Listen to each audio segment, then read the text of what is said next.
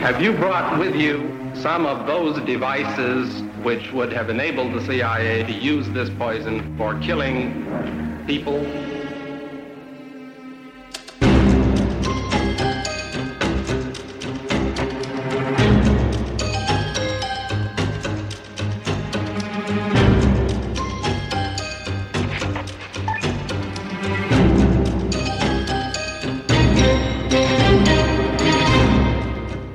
Frank Di Marti, han lavede en artikel om Karl Armfeldt i Holland tilbage i 90, og der tog han til Stockholm og interviewede blandt andet Karl Armfeldts bror, men også Åke Ek, som på en café foran politihuset sagde, da han bliver spurgt, var Karl Armfeldt øh, virkelig øh, så hård en palmehader?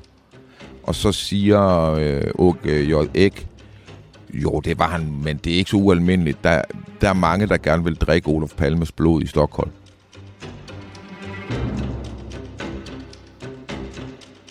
Du lytter til det hemmeligste af det hemmelige. Et program om den kolde krigs hemmeligheder. Mit navn er Anders Christiansen, og med i studiet er dokumentarist Christian Kirk Muff.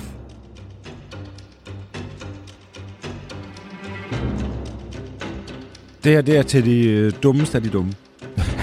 Nej, det kan vi ikke tillade Det kan vi simpelthen ikke. Fordi at sagen er jo, at når vi laver det her program, så er det fordi, at når nogle af de klogeste begynder at sige til os, at nu presser studenterhuen altså lidt for hårdt, Ja.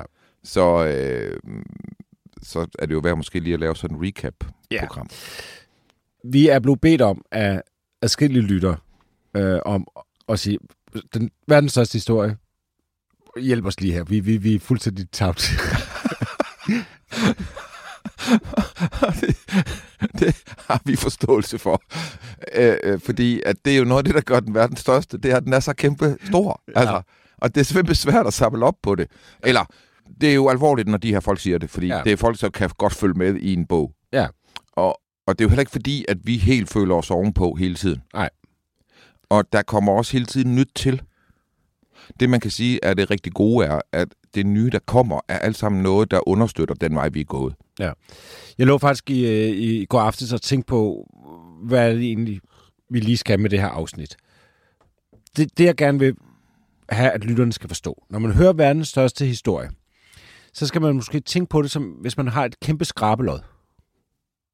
Og man skraber lidt, og så lige pludselig dukker der måske lidt af et eller andet op. En fod op. Mm. Hvert afsnit er en del af det her kæmpe skraberi. Så skraber man lidt et andet sted. Så dukker der et øje op, Mm. for eksempel. Det er faktisk ked af, at du beskriver det sådan. Men det, det er jo fair. Men, men, men fordi, at jeg havde egentlig håbet, at det hang sammen. Der- det er jo en historie, fordi den hænger sammen. Den hænger sammen. Den hænger sammen. Jamen, jamen, jeg forstår godt, hvad du mener også. Altså, fordi det er en collage. Ja. Ja, det, det er jo det, der er med det her. Og det er jo ikke sådan, at... Øh, jeg har sagt fra starten, nu vil jeg prøve at gå igennem det her materiale, alt det, jeg kender til, alt det her. Og så vil jeg prøve at vise, hvordan man kan danne grundlaget for en fortælling om, hvordan mordet er udført. Ja. Som kan være i en eller anden omfang realistisk, altså sandsynlig, og som i et eller andet omfang kan forklare alt det mærkelige og påfaldende. Det, vi har talt om indtil videre, har været at lægge grunden for at kunne fortælle, hvad er der foregået, da han bliver skudt, Olof Palme. Mm. Hvad er der foregået inden? Hvad foregår der på dagen? Hvad foregår der i dagene efter, ugerne, månederne og årene? Hvis jeg kan fremlægge en teori der, der er mere plausibel end de teorier, politiet har fremlagt, Mm-hmm. så vil jeg jo synes, at det i sig selv forklarer noget af te- den teori, jeg kommer med. Mm. Forstår du, hvad jeg mener? Altså, øh, øh, en del af teorien, jeg kommer med, er jo, at staten kan ikke opklare det her. Fordi det er for dyrt. Det koster for meget i forhold til at afsløre sine egne hemmeligheder og udstille sine egne svagheder og sine egne forsømmelser. Så, så, så selv folk, der ikke har et ansvar for øh, palmemordet, de kan have en forståelse for, hvad der er foregået, der gør, at de ikke vil medvirke til, at det bliver opklaret. Mm. Og det er jo det, vi har. Det er i hvert fald det, jeg synes, jeg ser, øh, når jeg kigger på hele historien. Ikke? Og så øh, indtil videre har vi jo fortalt 11 afsnit. Ja. Og hvert afsnit, så bringer vi en person på banen, som regel. Ja.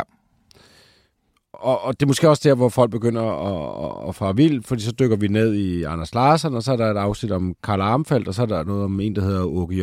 Ek, og så er der en, en nazistisk betjent, der hedder Østing, men det er jo ikke, fordi de kører rundt i en bil sammen øh, på mornatten. Altså, vi skal også lige finde ud af, hvem er hvem, og hvorfor, hvorfor Karl Armfeldt, hvorfor Åke Ek, og hvad, hvad, vi skal jo hjælpe folk lige med at fatte, hvad er det for noget, vi er ved at tegne op her.